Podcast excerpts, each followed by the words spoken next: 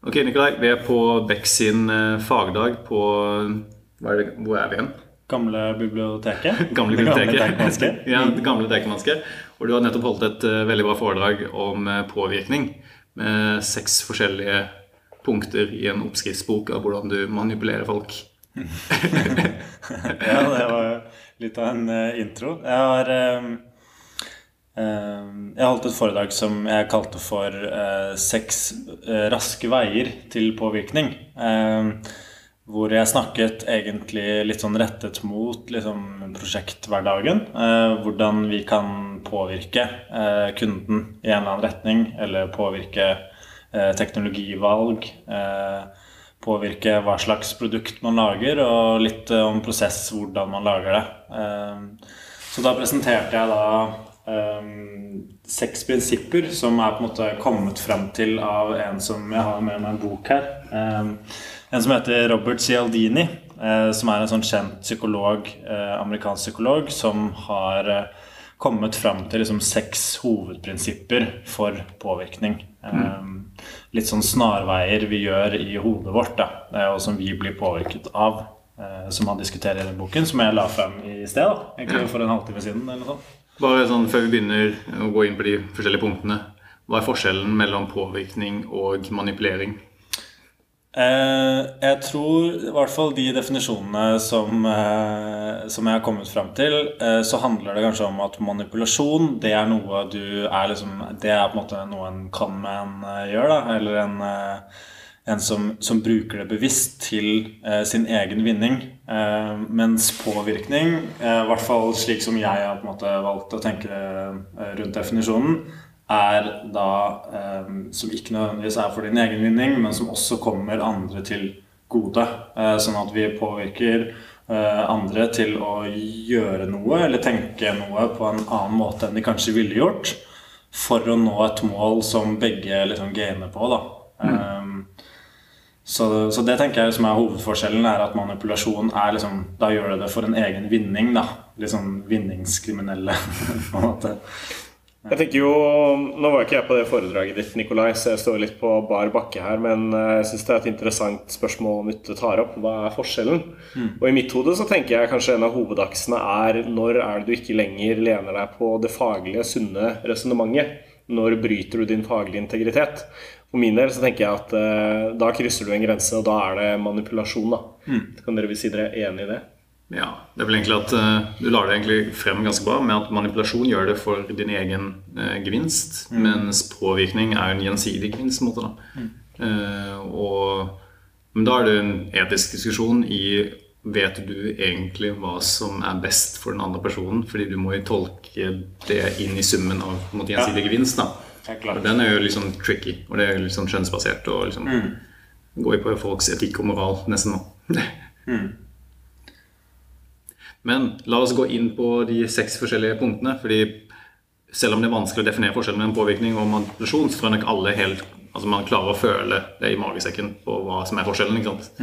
Så hvordan er det man påvirker folk? Eh, jo, det er jo altså, han, han snakker litt om det i starten av boken, eh, som for alle prinsippene. At, eh, at det handler mye om hvordan liksom, hjernen vår er skrudd sammen. Eh, og hvordan eh, vi tar liksom snarveier. da. Eh, Sånn at f.eks. hvis du er i en butikk og du skal komme deg ut av butikken, så er det ikke sånn at du begynner å forske på liksom, ok, kan det være dører, kan det være ganger eller sånn, Det vi liksom bryr oss om da, er at vi eh, tar noen sånne snarveier og sier sånn Der går det noen mennesker, jeg følger etter de. Da kommer jeg ut, mest sannsynlig. Eh, så det er flere av de prinsippene som er liksom eh, snarveibaserte, da. Sånn som denne som er liksom sosiale bevis, f.eks., er en av de. Eh, som går ut på at hvis vi er usikre på hva vi skal gjøre, eh, så ser vi til andre. Hva er det de gjør? Eh, Eh, Hva er det som er det riktige å gjøre her? Eh, Så hvis du skal på et utested f.eks., så ser man kanskje litt etter Oi, her var det mange i kø.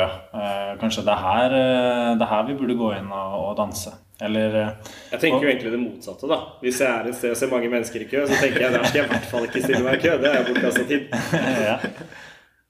ja, så der kommer vi jo litt inn på, inn på det Mutte snakket om, kanskje. da At det er ikke nødvendigvis at eh, dørvaktene vet hva som er best for akkurat deg. Hvis din personlighet er liksom Elsker ikke at det er veldig mye mennesker eh, på et sted. da Um, Ikke sant? Det er en viss form for uh, tilpasning som skal til for å finne ut hvilke av de seks forskjellige måte, heuristikkene du skal bruke. ja. eh, Eller de skal appellere til. Ja. Ja. Noen vil jo eksplisitt gå imot strømmen. Hva, så det var den første. Det var social bias Nei, social validity. Nei. Ja, Sosiale bevis er vel den oversatte versjonen. Som Ja, okay. um, og så er det gjensidighetsregelen, uh, som vil si at hvis noen har gitt noe til oss, så føler vi oss veldig forpliktet til å gi noe tilbake. Uh, og at det er en sånn veldig kraftfull virkning mellom mennesker. da. Eh, og så er det knapphet. Um, La oss utforske den litt først. da ja, Hvordan bruker man den? Ja. Ja. Skal jeg gå til en person på teamet og si 'jeg gir deg en kaffe', og så forvente et estimat tilbake? Uh, nei, det må vel være en, en viss forhold mellom hva man gir og, og hva man på en måte får tilbake. Eller ja, eh, forhold mellom eh, personene og hva man eh, gir til hverandre. Uh, men det handler kanskje mer om liksom eh, Jeg så at eh, teamet ditt eh, holdt på å sette opp en ny React-applikasjon. Eh, Det gjorde vi i sommer, så vi hjelper gjerne til. Eh, og så er det tanken at eh, liksom senere, når, eh, når du kanskje sitter i et møte, og, og de personene da eh, Og du trenger liksom hjelp fra de til noe, da. Det kan jo være så mye Det kan på en måte være så lite som at det bare er snakk om å få liksom fem minutter taletid. da Eh, At du bare sånn Ja, men Mutte hjalp meg jo med, med å sette opp React-applikasjonen. Så Gjør aldri hver dag. Eh, Så jeg kan i hvert fall høre på hva han har å si. Eh, Men så er det selvfølgelig Det er jo en balansegang. eh, Man, men eh, ja. Det, det går kort og godt kanskje ut på liksom eh, Kan man hjelpe hverandre til å nå hverandres mål? eh, Og få litt sånne effekter av at eh, alle mennesker trenger ikke å vite alt på en gang, men vi kan bruke hverandre eh, begge veier. da så, så gjensidighetsreglene er en sånn slags syklus. Jeg gir, får tilbake. Jeg gir, får tilbake. Kan du bruke det i revers? Det vet jeg jo Jeg husker ikke hva den effekten heter på stående fot, men det vet jeg jeg har skrevet en del om. Altså, Hvis, hvis jeg f.eks. vil ha Mutte til å føle at han skylder meg noe, eller har eierskap til mine problemer, så kan jeg spørre han om en tjeneste. Og Det første eksempelet jeg har sett om det, var vel eh, noen av founding fathers i USA, eller på Ben Franklin, som, som ofte brukte det. Hvis det var folk han trengte å, å, å bli close med, da, så spurte han f.eks. om å få låne en bok. Og bare den eh, handlingen av å låne bort eh, gjorde deg i større grad investert. da. Dette kan, det kan ses på som det samme, eller om det egentlig er noe helt annet. Ja, Det blir en slags sånn sosial gjeldsordning, eller at vi hele tiden husker på at vi skylder eh, noen eller noe. Eh, ja. Men det er, det er jo klart, mange av disse tingene er jo ting som også kan utnyttes. Så, Så, så det er jo det er viktig å på en måte mm, bruke det wisely. Da. Mm. Liksom, eh, være litt forsiktig med hvordan man, hvordan man bruker disse tingene. Da. Eh, Og være sikker på at du gjør det for noe som liksom alle kommer til nytte. Men den rasjonelle tolkningen av det er jo at eh, du har jo et sett med ferdigheter som er annerledes enn mine sett for ferdigheter. Ja. Og dermed så er det lettere hvis jeg gjør en oppgave som du trenger at jeg gjør, Ja. mot at du gjør en oppgave som jeg, jeg trenger at du gjør på en måte, for meg. Da, på en måte. Så det er en, en sånn gjensidig gevinst her, hvis man ser på det 100 rasjonelt. Mm. Hvis eh, Jarle er flink til å løfte tunge ting Hvis jeg skulle flytte, så ville jeg brukt, eh, spurt eh, Jarle om han kan hjelpe meg å flytte. Mm. Jeg kan lage powerpoint slides eller keynote slides. Trenger Jarle den hjelpen her, så kan jeg hjelpe. Vi sparer generelt sett mer tid og energi, da. Ja. det jeg får ut fra det her, er at nå kan jeg vente meg en innkalling til Muttes flyttelass i nærmeste fremtid. Men det er, jo, det er jo noe som stammer fra liksom, helt fra menneskets eh, start. Da, eh, som handlet om at liksom, kanskje det er noen som har tilgang på steiner og kan lage våpen, og andre har liksom, en sau eh, og kan ha ull og mat, f.eks. Og så sier du 'jeg har litt mat'. Ja, vær så god, her kan du få litt våpen. Ikke sant? Uh, så, og det er jo det samme som, som på en måte skjer i en organisasjon, da, tenker jeg. At uh, noen kan, uh, kan React, og noen kan prosessforbedring og Airtable. um, så det er jo en slags byttehandel, da. Nettopp. Og så er det viktig at det ikke blir hva heter det, hestehandel. At, at du gir bort for mye Ja, det må være fair trade, på en måte. Fair Ja. trading. Trading. Og neste nå er knapphet. Ja. Knapphet handler om at uh, vi er veldig redd for å liksom, gå glipp av en mulighet. Um, så en eller annen sånn um, uh, At noe kanskje kan forsvinne. Uh, hvis vi ikke fikser sikkerhetshull nå, så kan det hende at vi blir angrepet. eller ja, den type ting. Da. Så i private sfæren så blir det liksom hotell.com som sier sånn Oi, nå er det 17 andre som ser på deg og samme hotellet. Kanskje på tide å close denne avtalen. Eh, men, men, så gjelder det Men det gjelder også liksom på, i prosjekthverdagen at vi eh, vi må passe på å liksom bruke muligheter. Eh, sånn at hvis utviklerne aldri får liksom prioritert inn teknisk gjeld og prioritert inn det å jobbe med sikkerhet fordi ledelsen kanskje er, eller produktet er, kanskje er mer opptatt av liksom ny funksjonalitet, så kan man uh, f.eks. bruke uh, det som heter kairos da, fra retorikken. At man bruker selve timingen, tid og sted, for noe. Mm. At nå har det vært et angrep i et eller annet, uh, norsk, en eller annen norsk organisasjon som hadde et sikkerhetshull. nå syns jeg vi skal ta, bruke den anledningen til å ta en gjennomgang, sånn at vi ikke blir liksom tatt neste uke eller ja. Mm. Sånn, da. Interessant eksempel du har med hotels.com. For jeg syns jo den, det, det, prinsippet om knapphet, det er jo så overbrukt. Det er overalt. da ja. Så ofte så har det jo den motsatte effekten. Ikke sant? I den forstand at det blir så tydelig at man prøver å selge noe. Mm. Så opplever jeg at det kan være vanskelig å gjøre på en hva skal man si, troverdig måte. da Uten at det fremstår rett og slett direkte manipulerende, egentlig. Mm. Mm.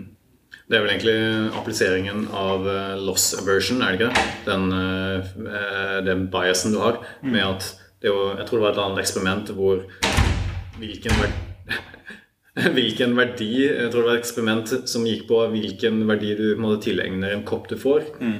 er lavere enn den verdien du tilegner en kopp du må gi fra deg, eller miste. da. Ja, ja riktig. Så folk ja. er redde for å miste ting, rett og slett. Og, og vi er hoarders alle sammen. Nettopp, vi er hoarders. Ja. Og jeg brukte jo akkurat loss aversion eller knapphetsmåte knapphetsheuristikken mm. for å få deg opp hit. For å si at hvis ikke du er med nå, så får du aldri vært med på trypp igjen. Anledningen var ekstremt god. Ja. Var det påvirkning eller manipulasjon da? Gjensidig gode. Du får noe ut av det, håper jeg. det får vi se på. det? ja. ja. Du får noen PowerPoint-slides og noe Airtable-oppsett i retur. Som jeg ikke trenger. Sorry, keynote. Keynote. keynote. Ja. Var, var, det alle, eller var det en til? Uh... Nei, det er flere. Ja. Um, så da må jeg jukse og se rett og slett uh, i innholdsfortegnelsen i boken. Um, indre forpliktelse og konsistens, uh, som handler om at vi har lyst til å være liksom, tro mot oss selv. så hvis du kan si liksom sånn um, Mutte, følger du opp Jeg ser for deg en retro uh, ute på et prosjekt. Følger du opp da, og så får vi svar fra deg eh, innen mandag morgen uh, at sånn og sånn og sånn. Uh, og så sier du ja, det skal jeg gjøre. Da sitter vi veldig langt inne at du ikke gjør det, hvis du har på en måte forpliktet, det, eh, forpliktet deg til det og sagt at liksom ja, dette er min verdi, og dette er liksom det er, Jeg står for dette. Eh, mm. Dette skal jeg følge opp. Eh, og det at vi er som sosiale mennesker, er du da eh, forhåpentligvis opptatt av at andre liksom ser på deg som en person som er konsistent, og som handler liksom sånn som du sa at du skulle gjøre. Sånn. Ja. Så det er på en måte å si at En forpliktelse, på en måte. Ja, Som går på hvordan folk ser seg selv. Så ja. si at Hvis jeg opplever at du, Nikolai, er et ja-menneske, mm. så kunne jeg sagt at siden du alltid sier ja til ting, ja har du lyst til å være med på en dryppepisode? ja, det høres jo litt ut som manipulasjon. jeg tror kanskje vi avlegger at Mutte egentlig bare er en manipulator. har vi blitt dratt inn hit? Vi har egentlig ikke lyst til det, men her er det både knapphet og indre forpliktelse og loss aversion.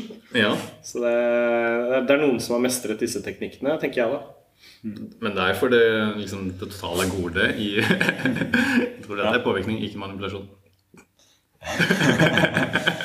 men jeg tenker sånn, Påvirkning er jo også ikke bare i prosjekthverdagen, men du kan jo ha venner som prøver å påvirke deg til å trene mer, spise sunnere, og liksom at man, man, man vil et eller annet. da eh, det, Og det gjelder liksom uansett hva du skal påvirke. At det er et eller annet som du har bestemt deg for at du vil. Eh, så det er jo klart at du, det må jo på et eller annet tidspunkt sammenfalle med det den personen som blir påvirket, også vil. da, Eller sånn endemålet, liksom. Mm. For du kan jo ikke, du kan ikke bestemme andres endemål og si sånn Ja, Muste, du vet ikke ennå, men jeg vil at du skal bli sånn. sånn. Um, så det er liksom balansegang der. Er det noe teori på hvor mye man bør involvere folk i bruking av den teknikken her? Altså i mentoring, f.eks. Er f.eks. den der med eh, intern konsistens, eh, f.eks. Er det noe teori rundt Hvis jeg skulle hatt en én-til-én-samtale med deg, Nikolai, at vi først snakker om at det er en måte å få deg til å gjøre noe, mm. og så får deg til å fortelle at du er opptatt av at du skal for eksempel, bli en eh, god fagleder, f.eks. Mm.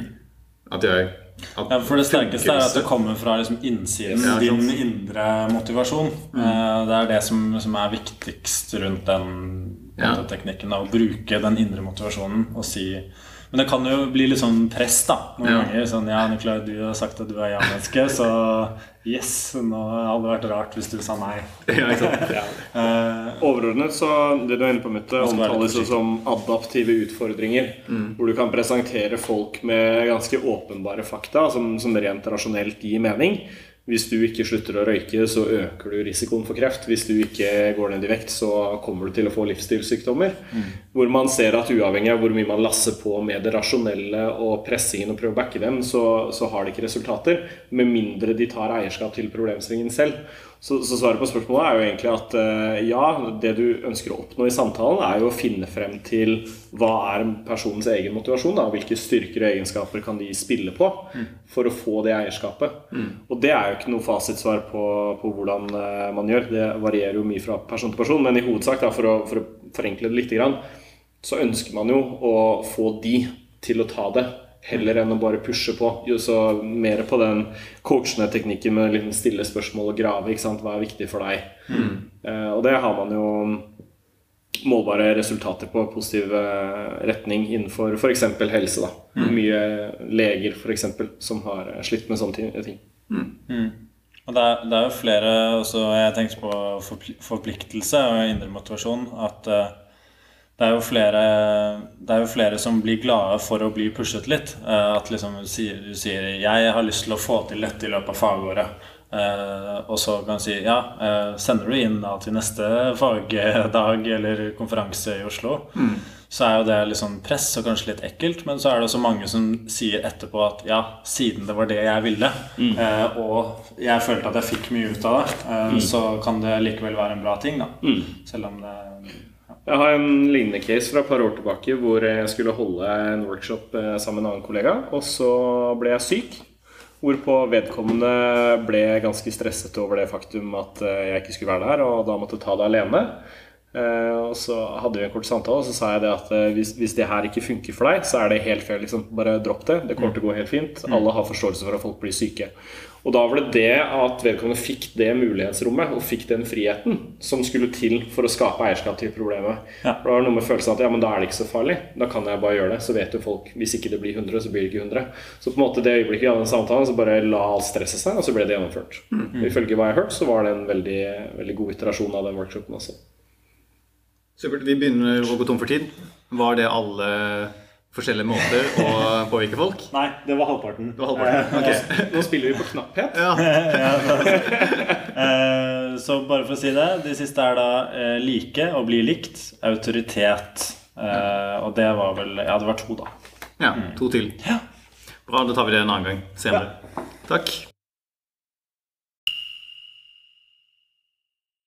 Drypp er en lavterskelpodkast fra Beck, hvor vi diskuterer diverse temaer som interesserer oss. Og hvis du har et tema som du har lyst til at vi skal snakke om, eller du vil være med på en innspilling, ta kontakt på drypp.beck.no.